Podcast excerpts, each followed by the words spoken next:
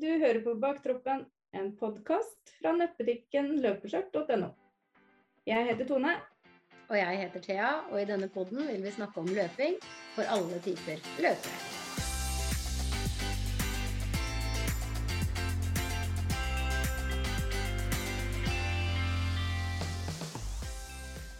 Hei og velkommen til eh, Baktroppen-podden. Hei, Tone. Hei. I dag har vi med oss en av ambassadørene til løpeskjørt.no. For i dag har vi med oss Anette. Hei, Anette. Hei. Jeg er litt spent på hvem du egentlig er. Kan du ikke fortelle litt om deg sjæl? Hvem jeg egentlig er, ja. Jeg vet ikke om det finnes noe fasitsvar på det. Jeg er et menneske i endring hele tida, føler jeg. Men vi kan jo begynne med det, med det som faktisk er ja, i bånn, da. Jeg heter jo da Anette og er 44 og et halvt år.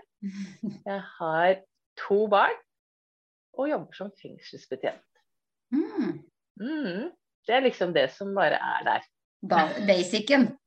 Det er basicen. ja. Hvor holder du til i landet? Du, jeg bor i Vestfold. Ja. Og pga. yrket så går jeg ikke noe nærmere inn på sted. ja, den ser jeg faktisk. Det er ikke som å jobbe på gamlehjem, dette her. Det kan være haters der ute. Ja. Helt korrekt. Ja. Og du har drevet med idrett, eller? Du, da jeg begynte med håndball når jeg var typ syv, og spilte håndball og var håndballtrener om hverandre i ja, kanskje 25 år, eller? Så har jeg vært engasjert i håndball. Mm. Og så har jeg vært innom fotball. Jeg har gult belte i judo. Jeg har gult belte i karate. Og det er ikke så veldig wow. Du trenger bare å gå på det i et halvt år, så har du fått, fått det beltet. Men jeg er litt stolt av det der karatebeltet, for det tok jeg da jeg var 37. Så det, ja. Ja. Hvorfor stoppa du med håndball? Eh, fordi at eh, man blir gammel i kroppen sin som håndballspiller. Mm. Mm, rett og slett. Og så, så det kom så mye skader, og så barn som tok tid, og ja. Så var jeg litt håndballtrener for, eh, for ungene når de begynte. Eh, og så prøvde jeg meg på et comeback, og så dro venninna mi av akillesen, og da slutta jeg også. Da tenkte jeg at herregud, du får ta igjen for laget, så er jeg ferdig. Ikke sant. Men når begynte du som egentrening, da? Sånn type i voksen alder? Nei, altså egentlig vet du, Thea, så har jo du og jeg litt sånn lik historie, fordi vi tok jo begge to tak i livet vårt med en slik en livsstilsendring. Uh, nå husker jeg ikke helt hvilket år du gjorde det, men jeg gjorde det i hvert fall i 2013. Mm. Uh, fordi da hadde jeg hatt noen år på sofaen eh, hvor jeg ikke hadde drevet med noe, kanskje en håndballtrening en gang i uka, liksom. Og det var det. Eh, så da måtte jeg ta litt tak i livet mitt, og begynte da med å gå. Og så tilførte jeg styrketrening og litt løping. Sånn ja, innimellom. Mm. Kunne du alltid fra før, eller måtte du google deg fram til de forskjellige øvelsene? Når du styrketrening, tenkte jeg. Eh, styrketrening så var det mye googling, ja. Mm. Og så hadde jeg en eh, online-PT som Ja. jeg fikk program fra, og som jeg kunne liksom stille spørsmål eh, til underveis. da. Ehm, men det var, det var mye googling. Øktene tok veldig lang tid i starten. Ja. At det var liksom googling mellom hver øvelse og ja. Men eh, så begynte jeg med crossfit. Ja, det har jeg også gått på, faktisk. Da, crossfit i tre år. Men eh, pga. litt sånn for høyt konkurranseinstinkt, så, så tok jeg ryggen, da. Så da måtte jeg slutte med det. Oi! Nei, så det jeg, jeg er liksom den som Jeg må prøve alt, og så går jeg all in, og så går jeg all out. ja, ja. Ja. Man gjør det liksom skikkelig, så jeg skal vi først gjøre det, så gjør vi det skikkelig. Og så, ja. Så med crossfit så handler jo alt om å gjøre ting unna fortest mulig, følte jeg. Og det var klart at da skulle jo jeg være først ferdig. Drit i teknikk og alt det der. Mm. Men uh, det er ikke et godt råd. Nei, det er jo fort gjort å bli litt ivrig, egentlig, på, Ja, det er noe med det det, altså. meste. Ikke sant? Så det var Mm. liksom i 2017 så gikk jo da Eller 16 så gikk ryggen. så ble jeg liksom ute av trening i ja, fem måneder. Oi. Mm. Ja. Eh, Ja, det var både ryggen og litt andre ting. Men eh, jeg var i hvert fall ute ganske lenge. Eh, Og det var sånn jeg begynte med styrkeløft. Mm. Det har jeg jo drevet med i ganske mange år. Ja. Men jeg møtte deg jo, første gangen jeg møtte deg, var jo faktisk på Remila. Ja, og Det er jo litt ironisk, for den gangen likte jo ikke jeg å løpe. Nei. Og hvorfor var du da med på Remila? Jeg er veldig usikker. Ja. Nei, men det er vel litt sånn, altså Vestfold, som du sier da. Det er eh, lettere å komme seg dit. Det er Ja da, støtte opp om det er noe med det. eh, Ja. Og så var det liksom, ja, så skulle jo du, og så tenkte jeg men det er kult, da kan vi jo møtes der. Og så har jeg jo vært litt sånn sesongløper, da. Mm. Jeg, jeg er jo veldig rastløs. Mm. Og det å trene styrketrening hver dag, det funker særdeles dårlig på denne kroppen i hvert fall. Mm. Eh, og så er jeg sånn som får nesten dårlig samvittighet hvis jeg har en dag uten trening. Ja. Eh, og da tenkte jeg at ok, da må vi begynne å løpe litt. Men er du likte ikke å løpe? løpe? på- Nei. Jeg løper Nei, og- bare typ tre til fem kilometer. Jo, men hva er det som gjør da at man finner ut at nei, vet du hva, jeg skal begynne å løpe, jeg. Når man egentlig ikke liker å løpe. Fordi at jeg måtte ha et alternativ. Så tenkte jeg det er kanskje sånn som med brokkoli, at hvis du smaker på det fem ganger, så ender du opp med å like det. Jo, og det er nok sikkert riktig, for vi har hørt mange som har sagt det. Men jeg tror faktisk du er en av de jeg vet om som har vært mest tydelig på at det å løpe, det er kjedelig. Men så er du også en av de jeg kjenner som også har kommet lengst i forhold til det med å faktisk like å løpe, da. Og Ja, hvor går veien dit?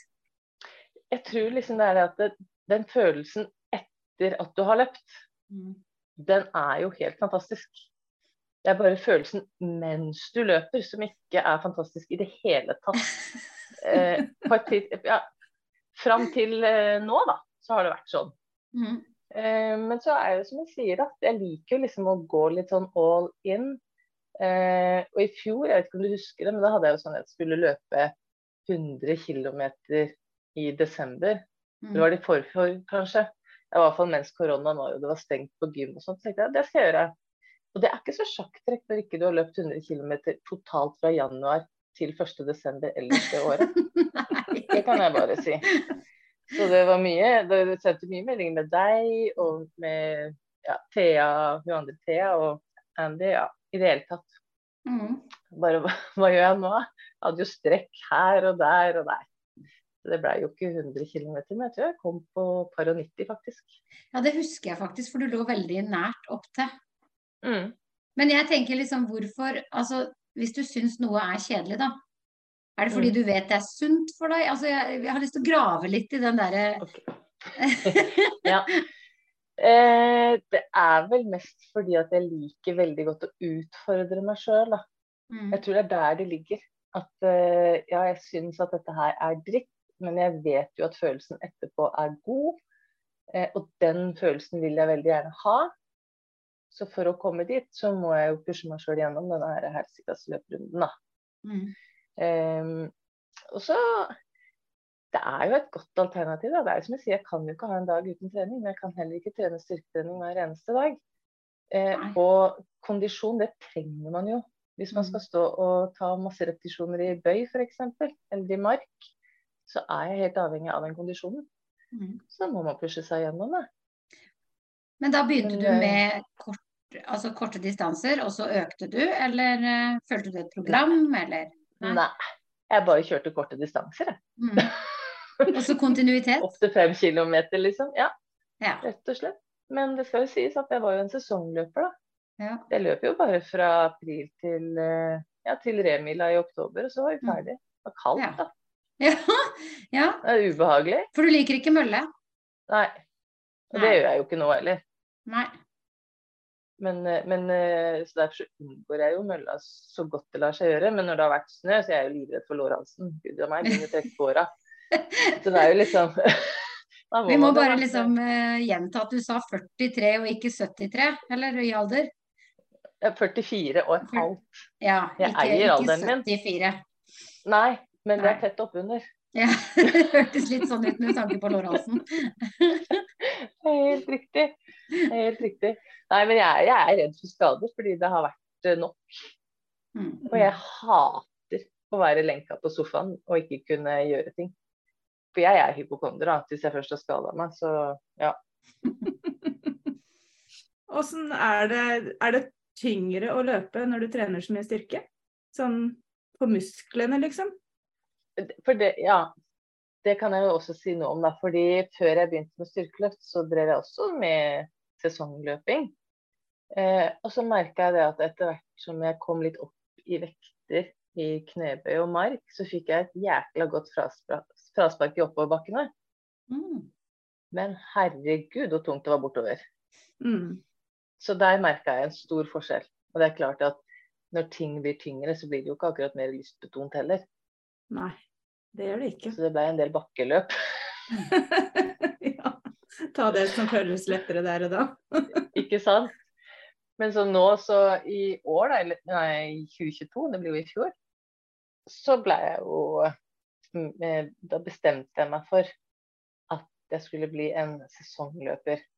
Fordi da begynte jeg å føle på mestring ved å løpe, fordi jeg ble lei av styrketrening. Og så fikk jeg en sånn kjærlighetssorg egentlig over den styrketreninga. Og så Og da vil man jo gjerne ha en rebound, ikke sant? Mm. Men så tenkte jeg OK, men da blir det løpinga, da. Mm. Og så kjente jeg liksom det at fy søren, dette begynner liksom å bli deilig. Jeg begynner å ha det fint. Jeg begynner å smile når jeg løper. Hva er det som skjer? Eh, så det er litt sånn kjærlighetssorg møter nyforelskelse-opplegg, da. Det er veldig rart. Men så fikk jeg jo en utfordring, altså det var jo det som gjorde at jeg måtte bli en sesongløper. Og, eh, og da må man jo endre litt på det mentale oppi det hele òg. Og utfordringa var Halvmaraton Oslo. ja. September som Ja. kommer. Hva er det lengste du har løpt? Eh, det er eh, 11, 11 km. Mm. Ja. Men da er du Ja. godt på vei. God vei da. Ja. Halvveis. Ja. Litt over. Litt, litt over. Noen meter over. Men det, ja, jeg har trua, jeg. Altså, hvis jeg bare kan få Nå er jeg jo skada igjen, så det har jo ikke vært så mye løping. Nei. Så vi får se. Jeg hadde jo lyst til å prøve. Ja, for nå er det nå er det en muskel, eller? Nå er det Ja. en muskel, ja. Ja. Gluteus. Som Mm. bare sier at eh, nå må vi ta det litt grann med ro her, Olga. Nå, er, nå bikker vi snart 74. Men jeg går til behandling, da, så jeg prøver. Jeg prøver. Nå løp jeg en tur for seks dager siden, og den turen gikk egentlig veldig fint. Eh, og har ikke kjent så mye på det etterpå. Eh, inntil i går så begynte det å lugge igjen. Tenkte jeg, fader heller. Mm. Ja. Here we go again. Og det kan Mm. sitte så lenge og sånn dritt som det der. Mm.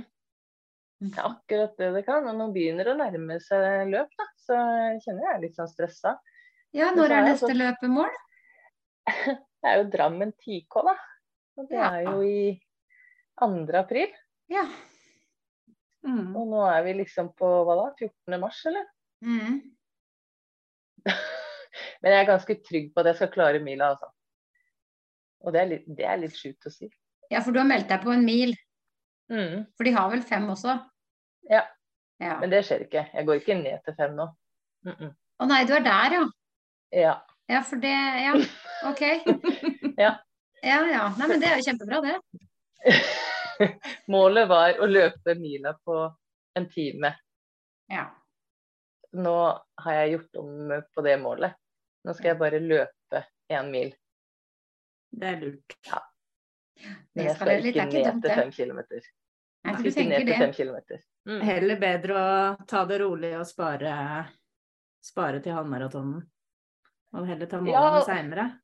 Det er akkurat det. Mm. Eh, og så har jeg jo egentlig alltid hatt som mål at jeg skal bare overleve, faktisk. Det er ikke gjennomføre sånn, jeg skal overleve. Men nå, nå føler jeg meg trygg på at jeg skal overleve en mil, så skal jeg gjennomføre, da. Så skal det Mm. løpes hele veien. Og så får det bare bli den løpestilen som passer seg den dagen. ja, for du har jo løpt milsløp tidligere. Det har jeg. Mm. Du har vært med på Oslo Maraton blant annet. Ja. Så der har jeg løpt eh, Tid for Grete to ganger. Mm. Eh, første gangen var jo i 2019. Da løp jeg ikke hele veien. Så målet for 22 var å løpe hele veien, og det klarte jeg. Ja. Mm. Så det er de to gangene jeg har vært med på løp eh, med en mil. Eh, og før Oslo Maraton nå i år, så hadde jeg løpt én mil to ganger. Ja. Ja. Men du er ikke sånn som tenker at eh, nå som jeg er skada, så burde jeg nedskalere fra ti til fem for å ikke ødelegge halvmaratonen i september. Du tenker nei, nei, jeg skal det Er det nederlag om man på en måte går fra ti til fem på et løp, tenker du? Eh, nei, det er ikke et nederlag. Eh, Altså for deg sjøl, altså. Jeg snakker ikke om at du ser på andre som at det er et nederlag. Jeg tenker på for deg. Jeg vil ikke si det er noe nederlag, jeg vil bare klare å gjennomføre en mil. Og siden det ikke er en ruptur, jeg vet at det bare er noen stive muskler, så kan det jobbes med. Mm. Det er ikke en skade som vil utvikle seg. Eh, hadde det vært det, så kan, hadde jeg kanskje til og med meldt meg av hele løpet. Ja, ikke Eh, sant. men jeg har fått eh, go fra muskelterapeuten min på at bare fortsett å løpe, fortsett å gå. Mm. Det er bare jeg som syns at det er ubehagelig. Mm. Mm. Mm. Ofte er jo skader til løpere det. Ja, Ikke sant? Mm. Så, men, eh, men nå var jeg i hvert fall flink da, og fikk det sjekka. Ikke gjort, Mm. gjort det jeg har gjort tidligere, og bare pusha på videre. Og så har det blitt et mareritt. Mm. Mm. Lurt. Så man, man lærer så lenge man lever, si. ja. Men beste og verste løpeminnet ditt, da? Eh, det beste løpeminnet, det må faktisk være Oslo Maraton 2019. Fordi det var altså det det, det, For det første så er det det største løpet jeg har vært med på. Eh, Remila er et sånt bygdeløp. Og, Holmestrand maraton har jeg også vært med på, løpt 7,5 km. Og det er jo også sånn lite Eller ja, det begynner å bli ganske stort. Den gangen var det lite. Mm. Så det var liksom hele den der opplevelsen med alle folka, med stemning. Været var jo helt sinnssykt bra. Um, og så løp jeg sammen med, med Micaela og mannen hennes. eh, og et barn i vogn, som vi har skjønt etterpå at det, vogn var ikke helt greit. Visste det ikke da, men vi var noe flinke og holdt oss i utkanten i hvert fall. Og det var liksom det å kunne fullføre hele det løpet sammen, og løpe sammen over mållinja. Mm. Altså det kanskje det mest euforiske øyeblikket jeg har hatt sånn idrettsmessig generelt, faktisk. Mm. Enda jeg ikke løp hele veien. Ja, ja. Micaela, det er fra Dere er i Team Livsstil, alle Det sammen. stemmer. Det Ja. stemmer. Ja. Så det, nei, det, var, det var en kjempeopplevelse. Um, og så kom vel eh, fjor, fjorårets opp som en god nummer to, da, hvor jeg faktisk klarte å løpe hele mila og, og slo milsrekorden min med tre minutter. Så Mm. Ja. Mm. Ja, det er Ja. veldig bra. Men verste, da? Altså, da trenger ikke det å være i organisert løp, det kan være generelt all over. Ja.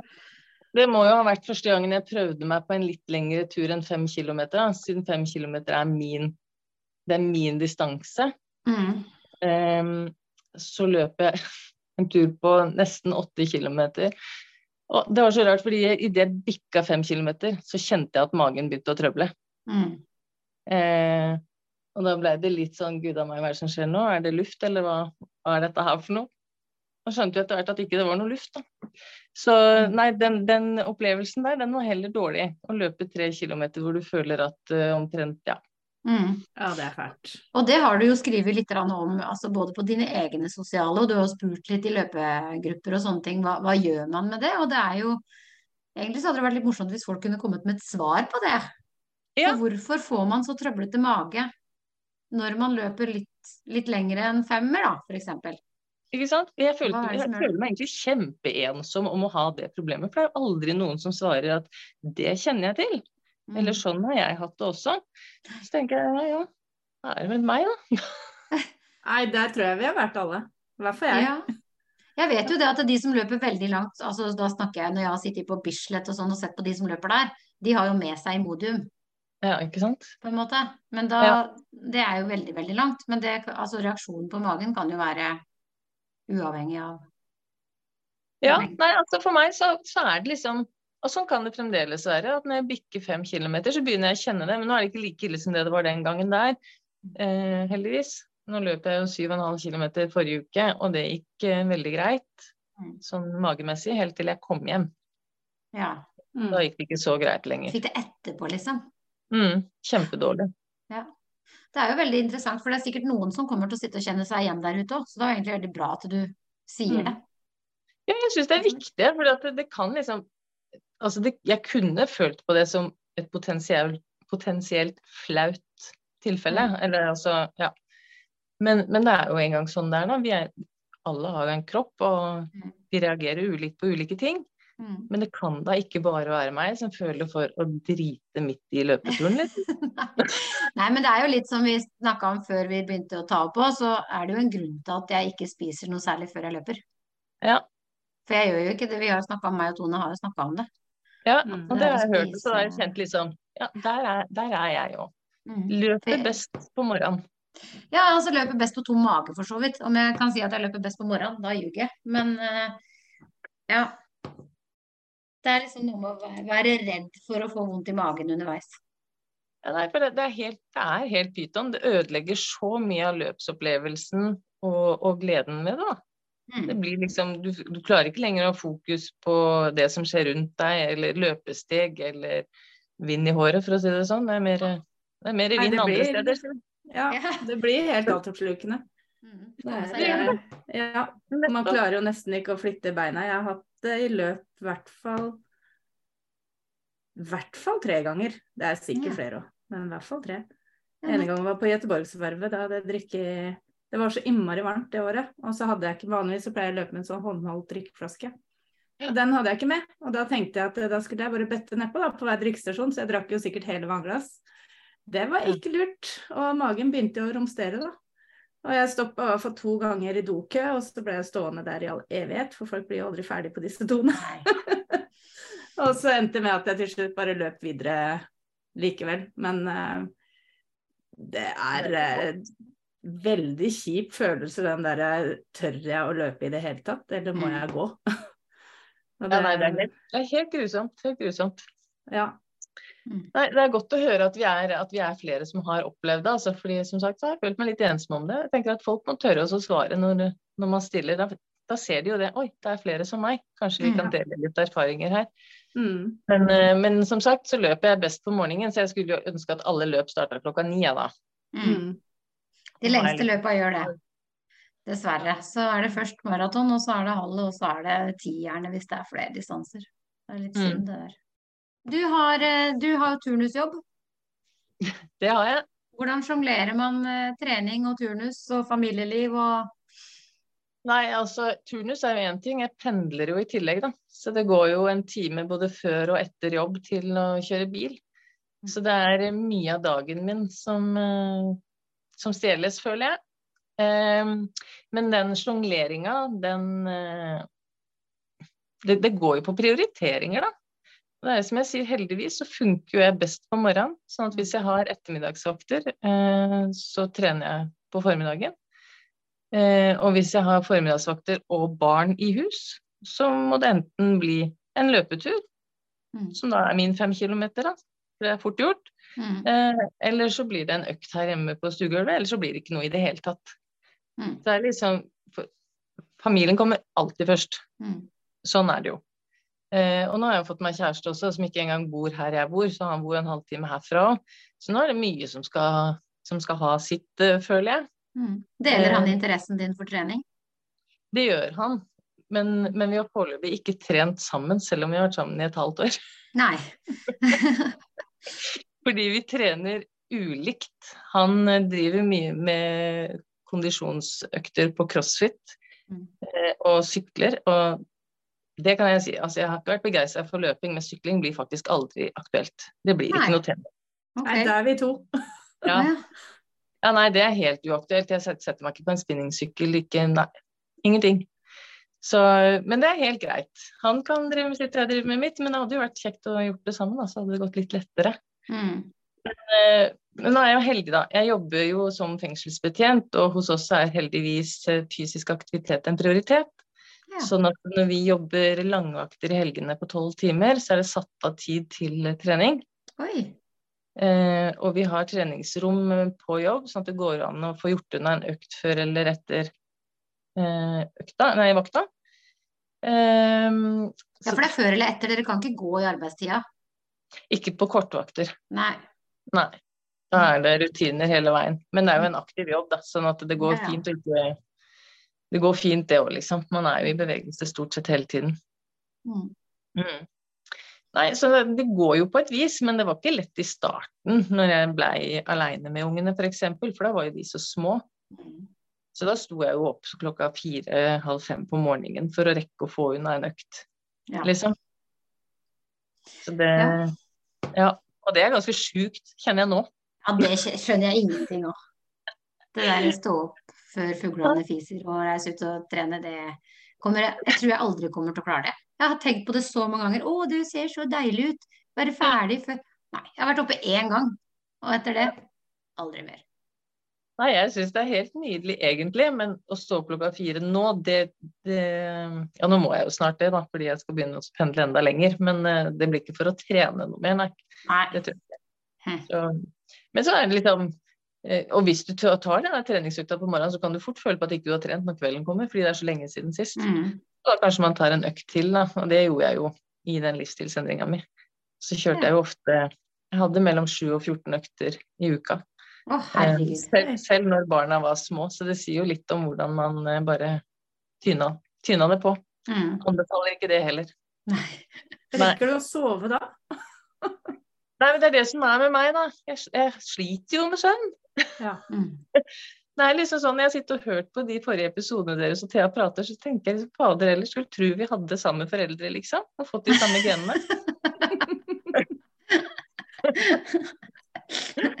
Men sånn er jo nattevakter og sånne ting. Vi har jo snakka om det før. Ja. At det er ganske mange voksne som sliter med søvn, Mm. eh, på en måte. Vi er jo så, altså jeg syns det er flere og flere som sier det, da. At det, det søvngreiene har blitt et problem. Ja, og, og hvorfor blir det liksom det? Er det jeg, tror det jeg tror det er fordi at samfunnet blir mer og mer eh, stressende, hektisk. Rekke ditt og rekke datt. Og Mm. at vi alle sammen begynner å få litt sånn FOMO, som ungdommene kaller det. Fear of missing Mm. out. Eh, I hvert fall gjør jeg det. Ja, så tror jeg kanskje vi har slutta med den der å roe seg ned før kvelden kommer. Roe seg ned før man går og legger seg, på en måte. Sånn Mm. at, og så har du den altså Jeg vet ikke hvor lenge jeg ligger på den telefonen på kvelden. Hvis jeg hadde lagt den ned i stua, så tror jeg kanskje jeg hadde sovna mye tidligere. For eksempel. Ja. Ja. Den ser jeg. Så mye inntrykk bestandig. Mens jeg har lakenskrekk og blir liggende på sofaen til jeg sier, Oi sann, der var klokka ett, ja, og jeg skal opp fem. Hm. Ja, ikke sant. Ja. Nei, jeg syns liksom det er bare mer og mer av det derre sover lite lite-problemet, da. Rundt Mm. omkring. Mm. At det Jeg tror det er mye krav som stilles. Ja, jeg tror også det. Og så sier liksom folk det at det må jo være deilig nå som ungene har blitt eldre, Anette, og, og de klarer seg sjøl. Ja, det, det vil jeg si. De klarer å smøre maten sin og lage seg mat og komme seg av gårde og de tinga der. Mm. Men herregud, da, jeg tror ikke de ungene noen gang kommer til å kreve mindre. Det er bare at de krever annerledes. Ja, det er Så blir det liksom nye, nye bekymringer, da. Det er helt riktig. For jeg jo tenkte jo det når jeg hadde små barn og folk hadde store, så tenkte jeg bare herregud, hva er det dere klager over? Men jeg savner så sjukt den tida som Damian og Elisa, og dattera, eller ungene mine, sprang rundt i pysj. Som jeg kunne bare kose med dem og sette dem på fanget, og nå går jeg og legger dem. Da visste jeg hvor de var. Jeg visste liksom Og så plutselig en dag så begynte de å kjøre bil. Ja. Det var jo helt forferdelig. Jeg sov jo ikke på lang, lang tid, jeg. Nei, det går så fort. Ja. Elisa, når hun fikk lappen, jeg husker det var helt forferdelig. Hadde ikke sov, sov jo ikke et sekund. Nei. Og vi er jo der nå. Eldstemann holder jo nå på å ta lappen, og jeg kjenner det at mm, Ja. Ja. Det er mye fest og Ja, det er mye bekymringer. Ja. Så, nei da, nå skjærer vi jo som vanlig litt ut, da. Vi er jo kjente for det. ja men, men det henger jo sammen med, det, med dette her med å få, få plass til ting i døgnet. Mm. Mm. At uh, det er uh, alltid noe nytt som eh, tar, uh, tar sin tid og Mm. av vår energi. Og da må man rett og slett prioritere. Og for meg så er vi, trening ekstremt viktig, så det Mm. kommer vel på en ganske god sånn eh, ja, ja, fjerdeplass. Nå hørtes det ut som at det kom langt ned på lista, men det er mange Mm. prioriteringer da. Mm. Men, eh, men det er kjempeviktig for meg og min helse, både fysisk og psykisk, altså. Mm. Ja da. Um, og det brenner jeg så for. Og det er derfor jeg liksom sier at det er så viktig at vi kan snakke om de tinga som skjer både på innsida og på utsida av kroppen vår, Mm. og vise hva som er mulig å få til til tross for eller på grunn av. Ja. Og så at folk kanskje skjønner at det er, ikke, det er ikke nødvendigvis at ting blir enklere selv om barna blir store. Så er det på en måte kjempefint at folk For, for det er som jeg sier i stad, altså det er mye mer kjøring og henting nå etter klokka sju. Før så la Mm. de seg jo klokka sju. Mm. Eh, da er jo vi akkurat ferdig å spise middag nå, Ja. på en måte. Så Jeg, jeg savner jo ikke den tida hvor barna var små, det må jeg bare si, for jeg sov ikke. Da sov jeg aldri. Men, eh, men visste jeg eh, hvor de var. Ja. Det er Det sant. Ja. ja. Hvorfor vil du bli ambassadør for løpeskjørt? Um, ja, si det. Jeg syns jo egentlig at det ser veldig rart ut å fly rundt i gatene med skjørt når man løper. Jeg syns det ser kjemperart ut. Men så syns jeg også at det er veldig kult. Og så er jeg jo litt sånn Jeg liker liksom å skille meg litt ut, da. Være litt sånn eh, flamingo. Vi har jo et sånn logo på gymmet som det står at man ikke skal være en due i flokken, men en flamingo. Eh, Så jeg prøver å leve litt etter det. Så tenkte jeg at søren heller, dette her har jeg jo faktisk veldig lyst til. Mm. Vel vitende om at mine nærmeste treningsvenner kom til å tenke eh, Hva gjør du nå, Hårseth? Hva, hva har du tatt på deg i dag? Mm. Men, eh, men jeg tenkte dette er mitt liv, så jeg gønner på. Søkte og fikk heldigvis lov til å bli en av gjengen. Mm. Eh, Og var superspent når jeg fikk pakke i posten. Tredde det på meg, holdt på å le meg i hjel. Og dro det med meg på gymmet og lo der òg. Men herregud, fantastiske produkter. Elsker det. Mm. For du kjøpte deg Hvem av, dem, eh, hvem av de skjørtegreiene var det du kjøpte? Du må ikke spørre om Nei, men. Tone har kanskje litt mer oversikten, for jeg husker For du hadde tights, hadde du ikke det under? Ja, lang tights, ja. Også Med skjørt. med skjørt. Mm. Og du så jo Eh, smashing ut! Og det syns kjæresten min òg. Nettopp! Og jeg tenker at hvis han syns det, så da driter jeg i hva andre syns. Mm.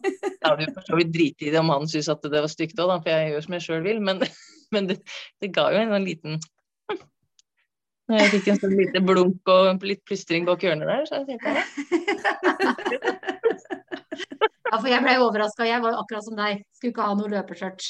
Men jeg kjøpte meg jo det før jeg dro til Granca. Og du har til og med kjørt den korte versjonen til, oss? Absolutt! Jeg har absolutt kjørt, og jeg likte ja, det jo den der, hva heter den igjen, Tone? Den uh, Gymgirl ultraskørt. Ja. Jeg, jeg syns det var ålreit, altså. Jeg gleder meg jo til sommeren når jeg kan dra det på igjen. ja. Jeg skal få det bestilt, Jesper. Jeg skal også ha, ha det skjørtet du har der, altså. Mm. Og det skal jeg ha før jeg drar til Roma i mai. Ja, Mm. for det er litt kult, og det er som du sier, at du ser jo at folk syns liksom Jøss, det er litt annerledes. Mm. Ja. Det er akkurat det. Tenker jeg, det er jo kult å bli lagt merke til, da. uansett Ja. om det er på den ene eller den andre måten. Så har du gjort en innsats i andre menneskers liv. Om du har klart å få på de et smil eller en eh, irritasjon, ja, så kjenner de at de har følelser, de òg, da. Ja, ja. Gubben min sa jeg så ut som jeg skulle ut og spille tennis. Ja, men herregud. Ja ja, Serena Williams, her kommer Ja, hun. Ja, for det er mye meninger om løpsskjørt. Og det var jo hun som starta, hun som lagde det første løpsskjørtet. Hun som uh, starta Skirtsports. Hun gikk jo nettopp etter disse tennisspillerne og tenkte at hvorfor skal jeg som er profesjonell triatlet, hvorfor skal jeg Hun hadde sett seg i et butikkvindu når hun var ute og løp, og hun har kort hår, og så hadde hun tenkt bare Jeg ser jo ut som en gutt. Mm. Hvorfor kan ikke jeg også ha sånne søte skjørt som disse tennisspillerne har? Mm. Så hun lagde seg et skjørt, da. Og brukte det på um, en sånn Ironman-triatlon som hun vant Ja. i skjørt. Det var i 2005, tror jeg. Og da brukte premiepengene til å starte Ja, jeg syns det er kjempekult. Ja, for det er jo bare gøy å være feminin innimellom. Mm. Og noen bruker det jo for å De føler seg ikke veldig tights, at det er for eh, Kanskje føler man at man har litt stor rumpe, eller føler liksom Man føler jo mye rart sjøl. Som Mm. kanskje ikke nødvendigvis andre legger merke til i Mm. det hele tatt. Mm. Og så føler man at eh, et løpsskjørt er litt tryggere, på en måte. Ja. Ja, det... Ja, det dekker jo til litt, så jeg ser jo absolutt Mm. den. Absolutt. Men jeg går jo ikke i skjørt til vanlig, da. Nei da. Nei. Så dette er er jo ofte- faktisk det eneste skjørtet jeg har brukt flere enn én gang, tror jeg. Det er ikke verst. Det må du bare fortsette med. Så jeg gleder meg til den korte varianten, for som sagt så skal jeg jo til Roma, og så tenker jeg det at eh, jeg skal med typen, og vi har sagt at vi skal ha en sånn løpe fra, fra severdighet til severdighet den ene dagen. Og da er det jo Mhm. litt ålreit å ha på seg en tights som er litt sånn, som du sier, feminin og ja, sånn at man mm. ser litt ordentlig ut når man stopper opp på de forskjellige stedene òg. Mm. Bare Ja du kan ikke gå inn i kirker med det. Nei, nei, men da får vi la være kirkene den dagen. Ja. Jeg var i Roma i høst og måtte planlegge når jeg kunne ha løpeskjørt og når jeg ikke kunne ha det. Siden vi ikke kunne gå inn i kirken. Ja, for du får ikke lov å vise beina heller, nei? Nei, det skal være ankel...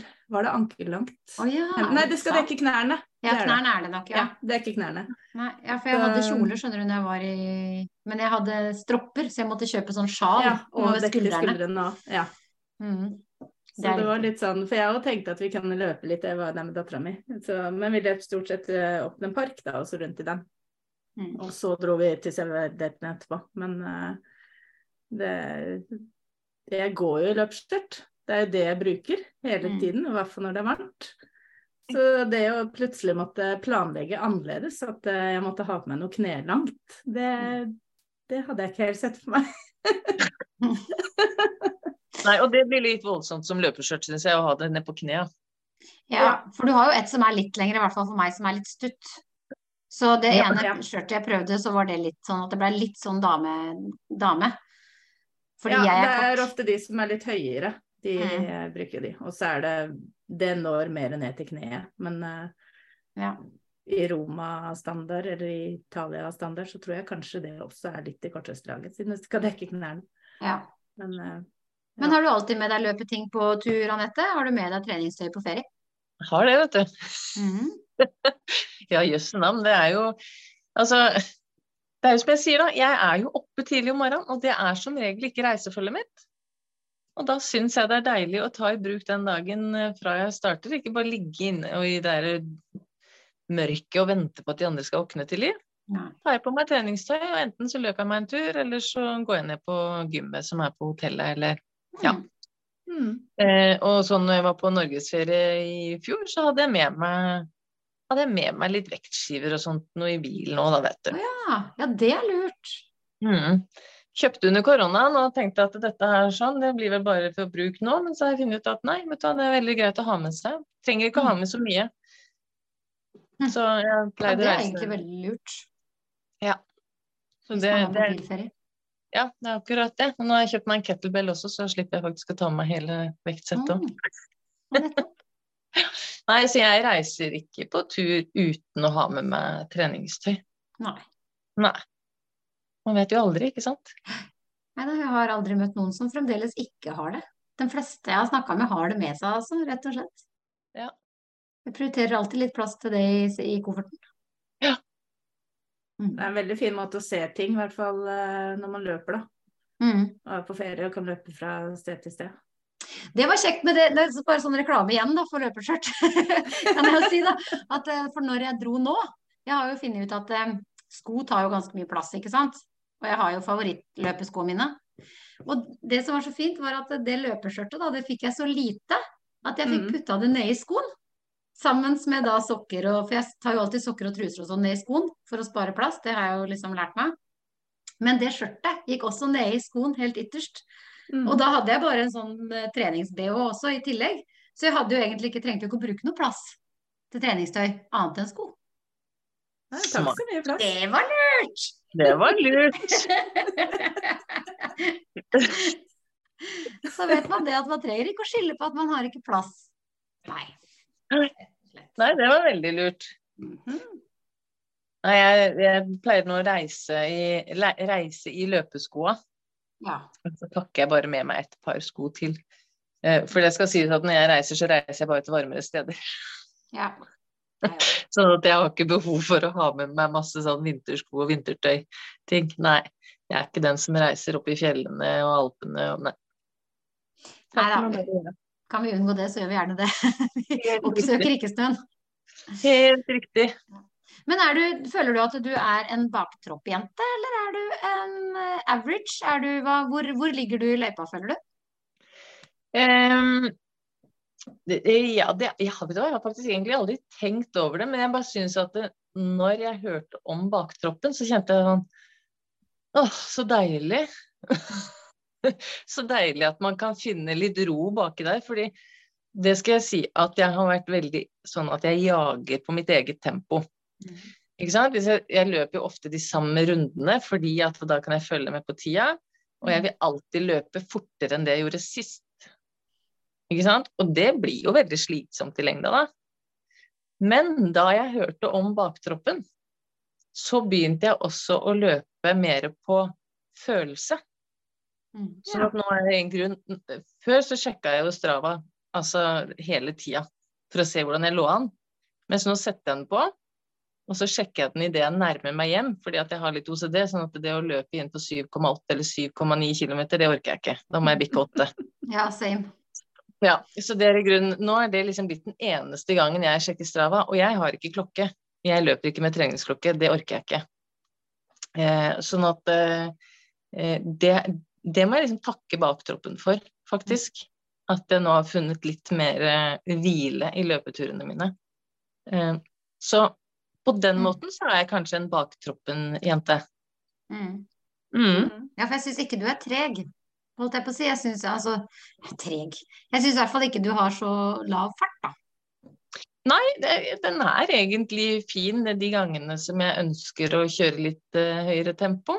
Mm. Uh, men, uh, men som sagt så har jeg nå hatt som mål å løpe på følelse. og det å begynne å løpe på distanse, da. Ha mer fokus på distanse enn tid. I og med at jeg skal prøve å overleve et halvmaraton i september.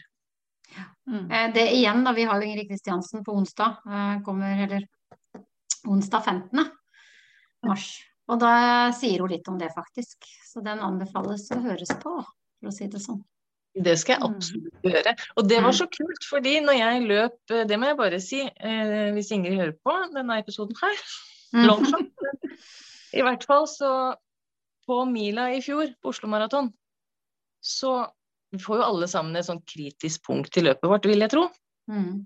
Og da jeg kjente at å nei, nå kommer det, nå kommer det, Mm. da så jeg Ingrid stå oppå haugen, og hun ropte og klappa. Og så forsvant hele det kritiske punktet mitt. Mm. Mm. Og da tror jeg at jeg var på rundt sånn 7-8 km, så det var liksom ikke så langt igjen heller. Og jeg følte nesten at jeg fløy de siste kilometerne. Det var helt merkelig. Så det må jeg bare si. Tusen takk for det, Ingrid, at jeg fikk den. Og det snakker hun jo litt om, faktisk, hvorfor hun står der. Så det er, det, det er kjempe, ja. Men den kommer jo ut før på. den her. Hun hører Ja. på podkasten vår, så Mm. Ja, nei, det var helt nydelig. Ja, jeg er enig. Det er faktisk veldig gøy når hun står der. Du får, en, du får liksom en sånn liten puff i ryggen videre. På en Ja, det det. Når du ser Ingrid står der, på en måte. Ja, og jeg som blir starstruck av absolutt alt og ingenting også. Jeg hadde jo for så vidt en ganske trå start på den mila der, for jeg havna i samme pulje som han Josef fra Madcon og Herman Flesvig. Så der står jeg og har liksom kikka meg opp i bobla mi med headsetet på. liksom bare Nå, Anette, nå skal vi kjøre gjennom den mila her. Dette skal gå fint. Løpe hele veien. Et lite blikk opp til høyre, og bare verden raser sammen. Bare å, shit. Der står de. Mm. Så, var det bare, så det ble litt for hard start for min del, for jeg måtte bare komme meg vekk fra det opplegget der. Sånn. Ja, ja. Men er det noe sted man ser kjendiser, så er det jo på løp, da. Ja, ja. Det er jo der de der de har jo også løpt Oslo Maraton. Mm. Det har den. Ja, ja. Men jeg var vel en av de få som ikke la merke til at det var Matoma som åpna halvmaratonen på Oslo Maraton. Ja, det er veldig spesielt. Ja, det, jeg er også litt sånn kjendisglad.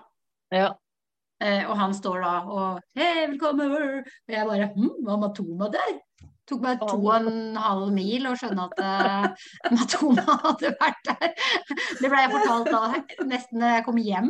Så så jeg liksom at han la ut en sånn derre eh, Hva syns dere om at Matoma starta halvmaraton? Og jeg bare Hæ? Syns ingenting om det, faktisk. For det så jeg ikke. Men dere som står, når dere står lenger bak i puljene, så står dere inn i en sidegate. Mm. Og da er det ikke sikkert at det høres nok. For at han sa jo flere ganger helt på begynnelsen at det var Matoma. Men når puljene, de bakerste puljene går mot start Jeg kunne sikkert ha skyldt på det. så hører man jo ikke det lenger. Eller så sier jo ikke han at han er matoma lenger. Nei. Nei, men det, jeg var nemlig Jeg var Jeg var ikke i bakgata. Jeg var foran der hele Ja. Fra Fra Du var en av de, da, ja. Jeg var en av de som gikk i feil pulje. Nei, jeg var ikke det heller. Jeg la meg faktisk i riktig pulje. Det er ikke så mange puljer på halvmaraton, vet du. Nei, det er kanskje ikke det. Ikke som ikke Det blir liksom for langt. Ja ja, men nok om det. Jeg var i hvert fall ikke så langt bak i de bakgatene den gangen der. Nei. Jeg var det på tieren, er jeg jo kjempelangt bak. Ja, det er kanskje flere på ti. Står nesten bak i Rosenkrantz. Nei, det er ganske mange på halv også, altså. Det Ja, er, det er ganske mange på Mm, ja. i hvert fall. Tieren er stor. Jeg, jeg gikk i feil gruppe, men det, det er for at ikke jeg så de plakatene før etterpå. tenkte jeg jøss. Ja ja. Da sto jeg her, da. Ja, så lenge man holder til høyre, er det ikke det vi har diskutert? Jo. Mhm. Ja, jeg har jo blitt altså så nevrotisk det greiene der, sånn, så jeg tenker jo på det når jeg er ute og løper mine vanlige treningsturer, og det var hvilken side av veien jeg løper på. Men Fikk melding av Anette her bare Nå gjør jeg alt helt feil i forhold til hva Tone og Thea sier, for nå ligger jeg på feil side av veien. Og jeg bare Det gjelder i løp, Anette. Man skal holde til høyre i løp for at de som kommer bak, skal komme forbi. Å ja, nei, det Hun springer aleine i Vestfold fylke og bare ligger på feil side av veien. ja, men jeg bare suger til meg alt, jeg, vet du. Jeg er jo newbie i de greiene her, sånn. Ja. Da kan vi jo poengtere da at vi snakker om å ligge til høyre i løp. Offisielle i løpssammenhenger. Ja. ja. Men la oss bare være enige om at den spyttinga, den gjelder uansett. Den er vi enige om. gjelder uansett. Der er vi. Ja, den den spyttinga, det var merkelig. Eller merkelig er det ikke, men det var den alle nevnte. Det var den Ja. spyttinga. Alle vi spurte, var eh, når vi skulle ha den løpsetikettepisoden. Uff, ja. Men eh, kommer du til å fortsette å være en helårsløper, eller? Du, det tror jeg det er stor fare for, i hvert fall i noen år til. Så blir jeg sikkert lei av det òg. Da lurer jeg på hva jeg skal finne på for noe neste. Men, men eh, ja, det, jeg har jo faktisk løpt ute i snø med pigger. Mm. Mm. Eh, veldig skummelt, men eh, det var en fin måte å legge vekk det tidsjaget på. Mm. Mm. Og syns jo faktisk det var deilig. Jeg tror jaggu jeg smilte på en snap der òg, jeg. At, eh, det snødde, og det var Ja. Men det var deilig, altså. Og da blir det jo enda bedre når jeg kommer inn, fordi da har jeg jo trossa enda mer av Eller vært enda mer ut av min egen komfortsone. Mm. Mm. Ja, det er jo en vanesak. Mm. Så, men dette her, altså 2022 og 2023, har vært eh, det første året hvor jeg har løpt hver måned. Ja. Ute. Mm. Ja. Det er det. Ja. Så, så nå vil jeg jo si at eh, jeg har vært en helårsløper i år i hvert fall. Jeg vet ikke hvor lang tid man må gi det før man kan si at man er det fast. Mm. Nei, men da er man jo det. Ja, nei, altså som sagt, jeg har til og med vært på mølla i år, og det, dette her sånn tar jo ingen ende. Nei. Jeg fortsetter å overraske meg sjøl. Men hvis du, hvis du går lei av, hvis du blir demotivert, hva har du på en måte vært sånn at du har tenkt at Altså, jeg er jo Hva skal man si? Jeg har jo kommet dit hvor jeg har skjønt uh, hva det gir meg i det lange løp. mm. Uh, å holde det ved like. Mm. Uh, sånn at jeg må bare pushe meg gjennom det, altså. Og det som er så fint med løping, da, som jeg har sett nå, det er jo det at her, her finnes det så mange varianter. Altså, du har lange løp, korte løp, raske løp, treige løp, mølle. Masse intervaller man kan gjøre. Så om det blir bare en sånn intervalløkt på 20 minutter, så har jeg i hvert fall gjort noe, ikke sant. Mm. Så det er liksom det der med å holde det i gang, og så tror jeg plutselig at gleden kan komme tilbake igjen, da. Mm. Ja. Det er også derfor jeg ikke har lagt styrketreninga helt på hylla. Og jeg må jo si jeg koser meg mye mer med styrketreninga nå, som jeg har lagt til løping, Mm. kontra der hvor jeg bare hadde styrketreninga. Mm. Du kan sjonglere det litt. Ja, Mm. Fordi etter at jeg var med på den der Strong Woman, ja, for der har jeg også vært med, da, selvfølgelig. Og så Mhm. får jeg en utfordring, så er det jo klin umulig å si nei. Men etter at jeg var med på Strong Woman i mai, så mista jeg piffen på styrketreninga. Ja. Hva er strong woman? Ja, det, det er å løfte og dytte på veldig rare, tunge ting. egentlig. Og litt sånn merkelige kombinasjoner av øvelser. Det, ja. Man løfter på stokker, og man tar markløft med biler og sånne type ting. Ja, altså jeg tok ikke noe markløft med bil, det må jeg bare si. Jeg klarte ikke å løfte opp den jeg skulle, men, eh, men eh, ja. Det er veldig veldig liten idrett i Norge, men den er i vekst, og det syns jeg er kult, for jeg syns det er en veldig kul idrett å se andre utøve.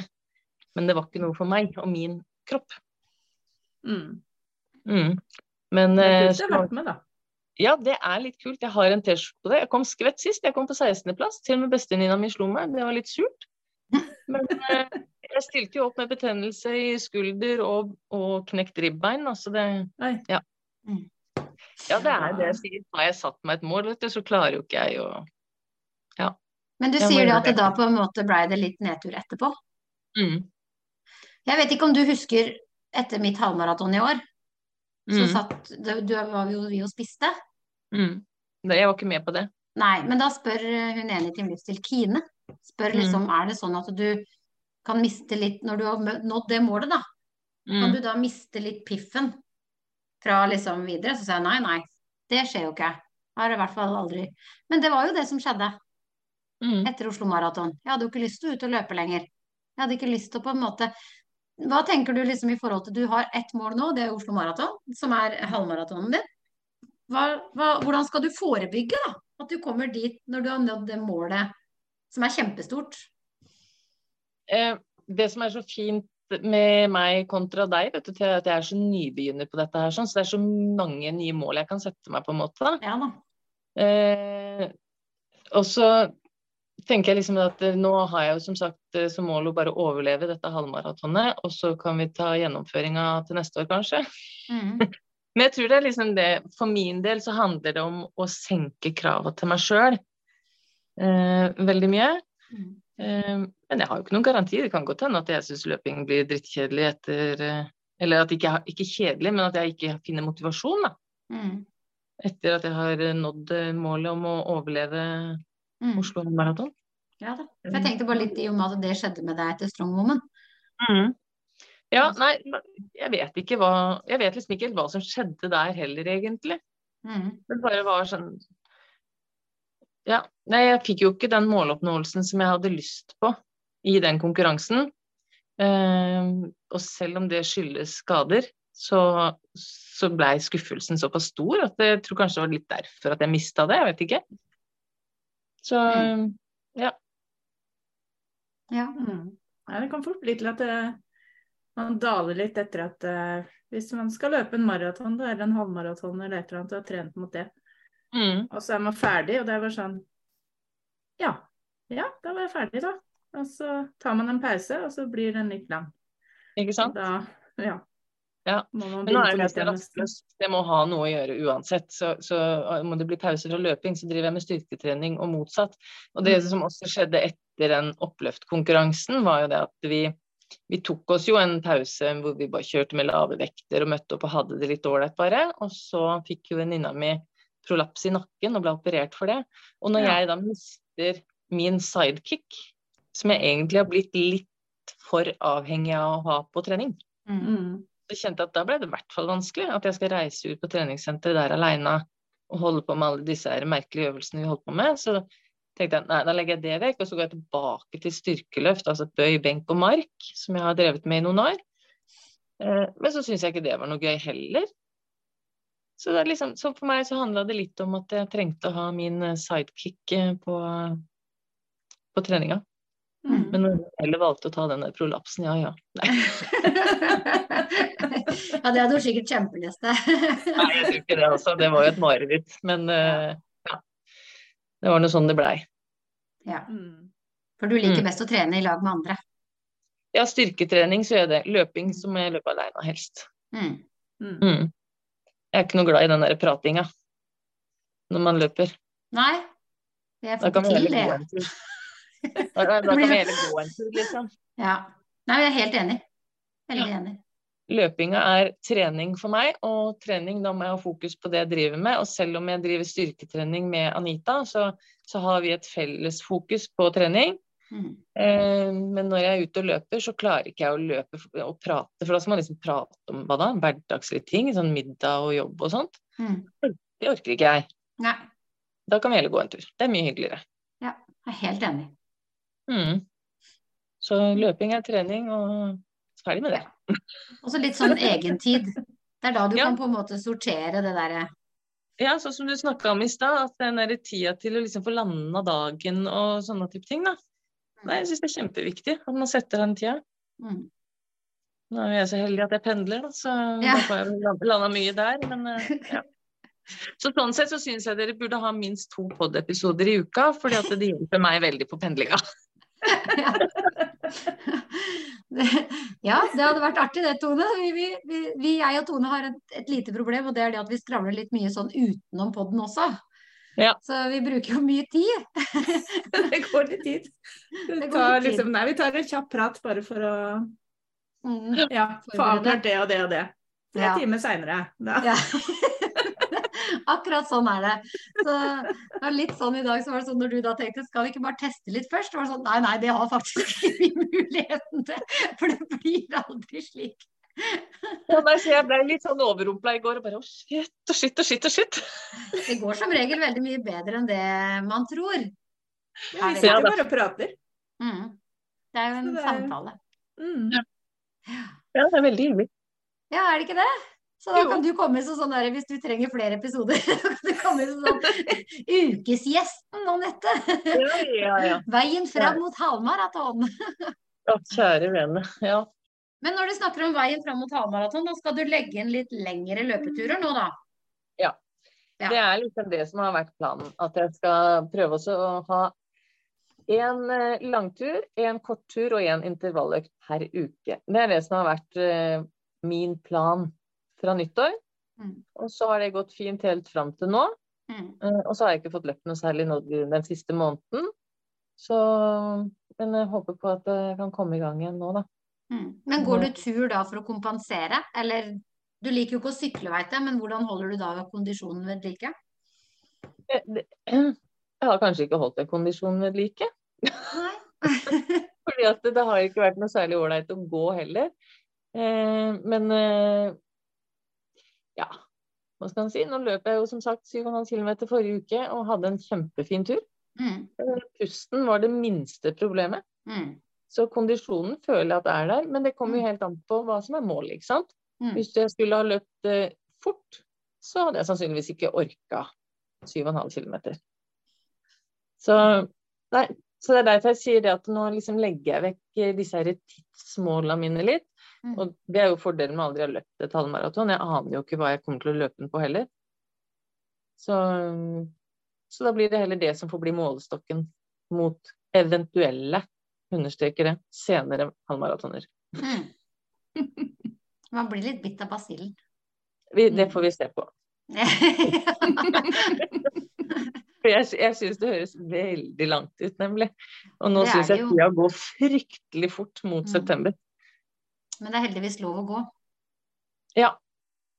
Og jeg, jeg håper at hjernen min klarer å gå med på den dealen der. At, jeg skal, at det er greit å gå litt. Mm. Men jeg, men jeg sliter litt med det, altså. Hvis jeg har sagt at jeg skal løpe et halvmaraton, så har Mm. ikke jeg løpt et halvmaraton hvis jeg må gå tre Mm. kilometer inni der. Nei, du tenker det? Mm, da har jeg fullført. Da har jeg fullført et halvmaraton, men jeg har ikke løpt det. Nei. Mm. Så sånn er det oppi mitt hode, da. Mm. Mm. Jeg kom ofte raskere i mål, sånn som hytteflamila. Da hadde jeg bestemt meg for at jeg skulle prøve å løpe i ett. For det har jeg ikke gjort på kjempelenge, i hvert fall ikke en hel mil. Og da hadde jeg målet, det var målet mitt da. Tida, det var underordna, jeg skulle løpe i ett. Men Mm. hadde jeg løpt og gått og løpt og gått og løpt og gått, så hadde jeg kommet raskere i mål. Mm. Mm. Hvis det hadde vært målet mitt. Men Mm. Der hadde jeg hele målet om å løpe i ett. Så det er jo på en måte to forskjellige mål. Ja. Mm. ja, for det er det vel i Jack White sin bok.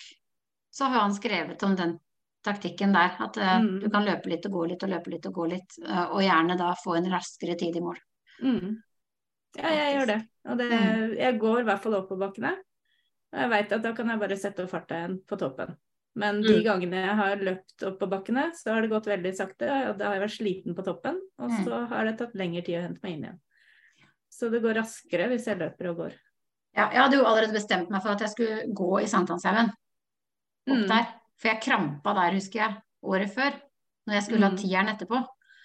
Eh, så begynte jo de tærne mine å krølle seg inn. Ja. Jeg fikk dem jo ikke ut igjen.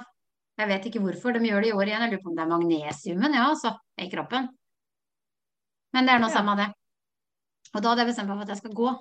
eh, I hvert fall opp Sankthanshaugen. Mm. ble litt mer gåing enn det. Men jeg slo rekorden min med 12 minutter for det, så det har ikke noe å si. Følte jeg løp mer i 2017 enn jeg gjorde i 2022. Men uh, jeg fikk mye bedre tid i år, altså. Mm. Selv om jeg følte jeg gikk Så det trenger ikke å være- noe sånn nederlag-typ å måtte gå, for det er eh, Er det tidsmål, da, så kan det jo ofte gå fortere. Mm. Men er jo målet som sagt at man vil løpe hele, for at da tenker man at da har man løpt. Da har man løpt Ja. halvmaraton, ja. Da, ja. da, er jo, da er det jo det som er målet, og ikke Mm. tida. Nettopp. Mm. Mm. Så Ja, og det kan godt hende det at når jeg setter meg et tidsmål eh, før et eventuelt nytt halvmaraton, at hvis jeg setter meg et tidsmål da, at jeg syns det er mer eh, akseptabelt å gå. Ikke sant? For det er jo, mm. det er jo ikke sånn at jeg, jeg tenker jo ikke at uh, dere har gjort et dårlig løp hvis dere har gått Og det er sånn når Thea sitter der og sier ja, når jeg, jeg bestemte meg for å gå opp Sankthanshaugen fordi jeg skulle løpe mila etterpå, så tenker jeg sjuk i huet, vet du. Men det blei jo ikke noe på grunn av at jeg krampa, da. Ja. Ja. Men det blei jo ikke noe. Nei, nei. Jeg krampa jo krampa for mye Ja. på tærne. Mm. Men bare det at du tenker tanken er jo sjukt for min del. Altså, ja. Det var i mitt sprekår, Tone. Det var 2017. Det var mitt sprekår. Vi har alle et sånn sprekt år. Ja. Mitt er 2011, så det begynner å bli ganske lenge siden. Ja, ja. Nei, da var det Da skulle vi kjøre på med både ultraløp og dobbel, altså både halv maraton og 10 km, og det var trippelen på Fornebu, og det var, det var mitt sprekår. Eller var det 2018? 2017-2018. Ja, jeg kjenner at jeg sikter ikke mot å ha noen spreke år. Hvis det er det som er definisjonen, da går det helt fint, altså. Man velger ikke det, vet du. Det er bare sånn at det bare bomser inn et sånn sprekt år som alt bare funker fjell. Og så Ja. ja. Ja, ikke sant. Så forsvinner det igjen. Så blir liksom stående som det man hele tiden sammenligner med. Så bare ja, ja. Ja, det var, det var et- det var fin tid. Vant pulja mi opp på Viking Challenge, og nei, det var Ja ja. Ja, nei, jeg, jeg har jo fulgt med deg, så jeg syns jo Jeg har jo sagt det ved flere enn én anledning at jeg syns du er klin gæren. Jeg er ikke det lenger nå. Nå kanskje Ja, det mitt sprekår. Vet ikke helt, jeg. Kommer an på øyet som ser det, vet du. Ja, det var det. Ja. Ja. Nei, altså Nei. i år skulle vel kanskje blitt mitt strekeår, fordi at jeg har da hatt den ambisjonen å bli en helårsløper, og Mm. har jo meldt meg på ganske mange, mange løp i forhold til hva jeg har gjort før. Mm. Men så fikk jeg turnusen min i dag, da, så jeg ser jo det at det her blir det kanskje ikke så sprekt år likevel. Det er jo avgjørende med å jobbe turnus. Nettom. Og det er ikke så lett å bytte helger heller. Nei, det er ikke det. Nei. Så det er noen løp som utgår, eller? Ja, altså nå har jeg jo fått eh, arbeidshelg når vi har både KK-mila og Drammen halvmaraton, så Nettopp. mm. Mm. Men jeg tenkte jeg skulle prøve å få fri til ett av de løpa, og så får vi se. Mm. Mm. Ja, for dem er på samme helg. Ja, de er det. Mm. De er det. Men det er bare bare greit å få noen løp før, før Oslo halvmaraton. Mm. Mm.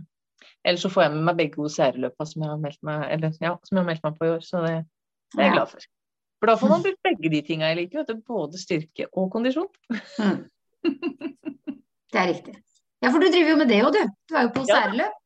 Ja, ja, ja. Eller driver med det og driver med det. Kontra andre folk vi kjenner, så driver jeg jo egentlig ikke med det, men jeg er med på et par i hvert fall. Ja. ja, for det er Mm. veldig gøy, faktisk. Det er kjempegøy. Og så er det jo Mm. veldig sosialt. Ja. Så det, nei, det syns jeg er gøy. Jeg lurer på hvor mye du løper i måneden. Ja, Har du, eh, har du noe sånn mål om antall kilometer hver måned? nei, det slutta jeg med etter den ene gangen hvor jeg hadde mål om 100 km. Ja. Mm. Fordi at det klarte jeg ikke, og det, da ble det nedtur. Sånn at det, jeg bestemt meg for at sånne mål skal jeg ikke ha igjen. Fordi at eh, når jeg opplever litt sånn motgang, så blir jeg 14. og det går bare utover meg sjøl. Og, det har jeg ikke- og det vil jeg ikke meg sjøl lenger. Nei. Så nå løper jeg når jeg har lyst til å løpe, men som sagt så må jeg prøve å få til tre økter i uka. Mm. Hvor jeg har da i hvert fall ett litt lenger, og så en in- intervalløkt. Den fem kilometeren, den er ikke så viktig, men. I Mm. hvert fall få inn to løpeøkter i uka, da. Mm. Og så syns jeg liksom, når jeg sier det, så syns jeg det høres fryktelig lite ut med tanke på at jeg skal ut og løpe den der halvmaratonen.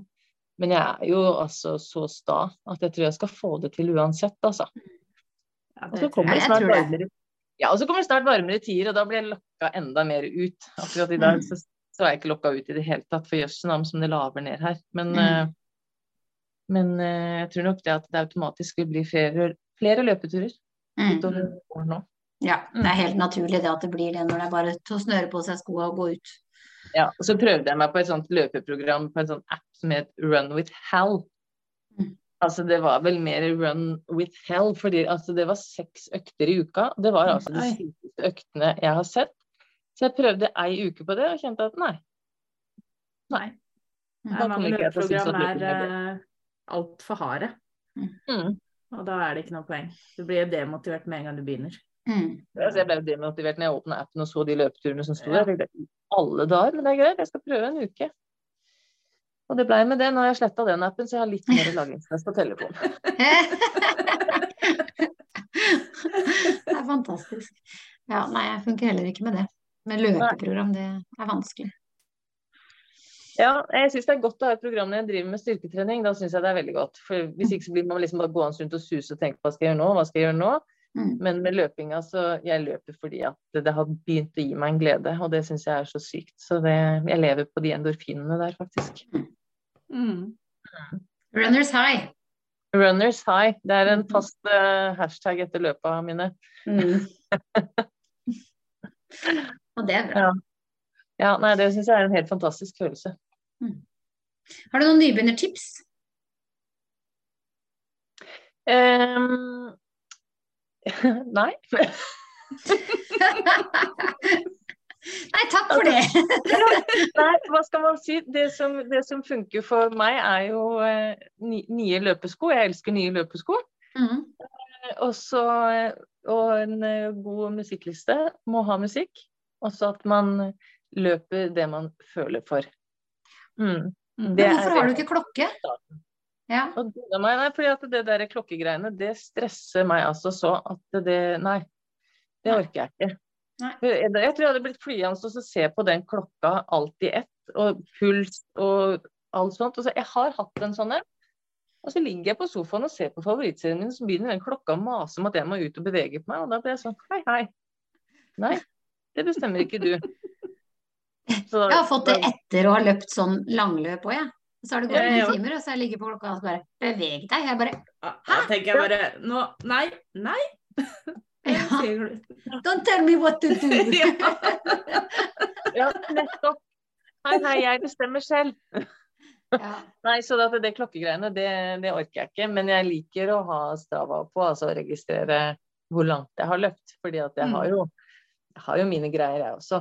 Men Mm. det viktigste som nybegynner, hvis man tenker at man har lyst til å løpe, eh, så gjør man det. Og det er så mange, jeg syns det er så mange som sier at jeg kan ikke løpe fordi at jeg er for stor, eller at jeg Mm. har ikke trent noe særlig før. Og det er så, det er så mange unnskyldninger, da. Eller Mm. grunner, alt ettersom. Men så tenker jeg at hvis du har lyst, det er noe inni deg som sier at du har lyst til å ta på deg de løpeskoa, så gjør du det. Mm. Mm. Og da trenger ikke distansen å ha noe å si. Det, trenger, det, det har ingenting å si. Det er bare det at du har tatt på deg de løpeskoa, og så har du løpt 500 meter, og så får du kanskje litt sånn noia for at noen skal se deg. Da har du i hvert fall løpt de 500 første meterne i, i Mm. ditt liv, holdt jeg på å si. Det kan jo godt hende at det ikke det er, men i hvert fall i det du ønsker at skal bli en fast uh, ting i livet. Mm. Mm. Så liksom eh, begynn å løpe. Se på det som er rundt deg, kjenn på pusten din, kjenn på hva som skjer i kroppen. Mm. Sorter tanker. Ja. Mm. Det er, liksom, det er det jeg tenker når jeg er ute og løper. Så er det bare sånn go with the flow, og så tar jeg meg sjøl i å begynne å smile underveis. Så det er bare surrealistisk hele greia, egentlig. Jeg vises ikke det er noe rart. Nei. Men jeg som egentlig bare har løpt på hva da? Hvor lenge er vi har kjent hverandre, da, Thea? Det begynner å bli noen år. Mm. Og jeg har jo ikke likt å løpe før det året her. Nei, nei, nei. Nei, for det, det remila-året jeg møtte deg, det var nok i 2017, tenker jeg. Ja, Det kan nok hende. Mm. Mm. Det var nok det. Da syns jo ikke jeg det var så spesielt stas å løpe. Men, men remila er jo fem kilometer, og fem kilometer er jo min distanse. Det tar Mm. en halvtime av livet mitt, og så tenker jeg at ja, Mm. Mm. det er liksom greit. Ja, jeg er helt enig. Fem kilometer er min go to. Ja. Det er en sånn quick fix, uh, syns jeg. Mm. Mm. Helt greit. Blir ikke sånn kjempesliten og syns det er helt Ja. Ja, fått beveget seg og Mm.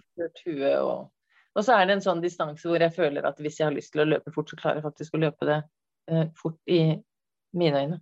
Mm.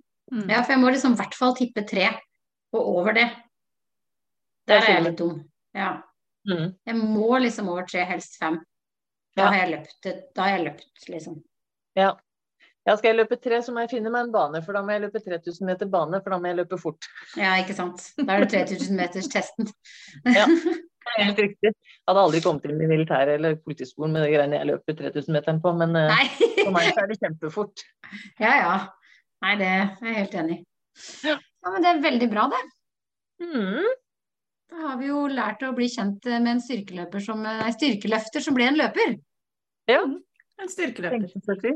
En styrkeløper. Ja, den likte jeg. Det er det nye navnet på Anette på Instagram nå, det er Styrkeløperen. Nei, men jeg er veldig glad, det må jeg også bare si at jeg er veldig glad for at jeg har drevet med den styrketreninga, fordi jeg kjenner jo at jeg har god bruk for styrken når jeg driver med løping også. Mm. Mm. Jeg elsker jo å løpe i motbakke.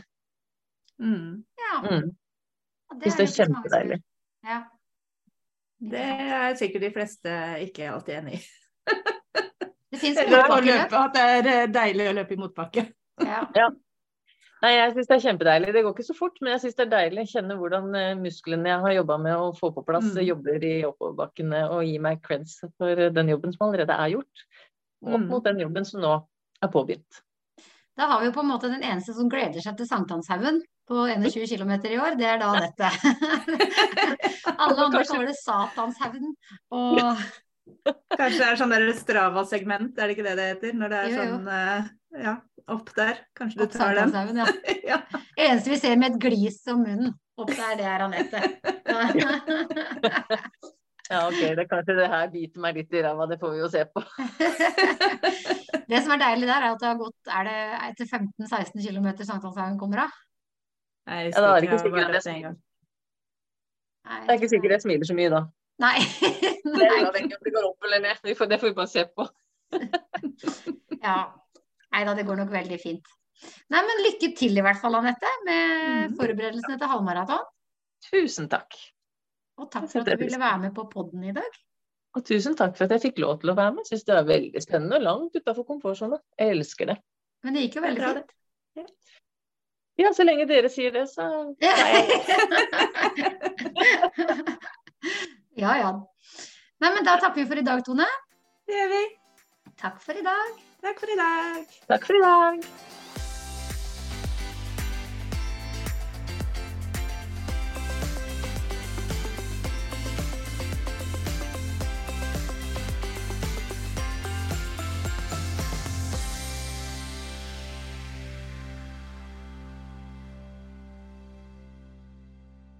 Du har nå hørt en episode av podkasten Baktroppen fra nettbutikken løpskjørt.no med Tone Nordung Pettersen og Thea Stenersen. Podkasten er redigert av Ailin Marking Nordang. Hos Løpskjørt finner du et stort utvalgt treningstøy og praktisk tilbehør til deg som løper. Nettbutikken finner du på www.løpeskjørt.no.